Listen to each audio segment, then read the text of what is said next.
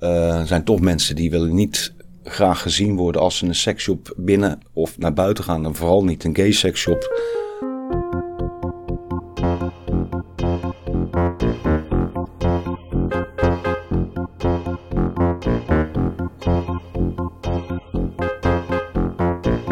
Dus ja, in de loop der jaren is dat eigenlijk ontstaan. Uh, mensen die, die dan ja, die zich ongemakkelijk voelden of dergelijke. Ik zeg ook, je kan ook door de achterdeur komen, gewoon aanbellen en uh, dan doen we open voor u. Ook veel mensen die met de auto zijn, achter is de parkeerplaats. Die kunnen dan snel eventjes de auto neerzetten, even naar binnen komen halen wat ze willen hebben. En die zijn ook zo weer weg. Dat is wel heel makkelijk. Ja, wat we verkopen voornamelijk glijmiddelen, condooms en heel veel toys. En onze klandizie is hoofdnamelijk uh, gay publiek. Maar ook veel hetero's en vrouwen komen hier binnen. Ook omdat wij in de zomer hebben we vaak de achterdeur gewoon openstaan.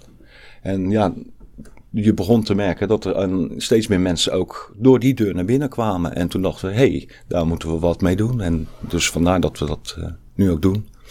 Surinaamse, Antilliaanse mensen die maken gebruik van de achterdeur. Want daar is het allemaal nog een flink taboe. Dus.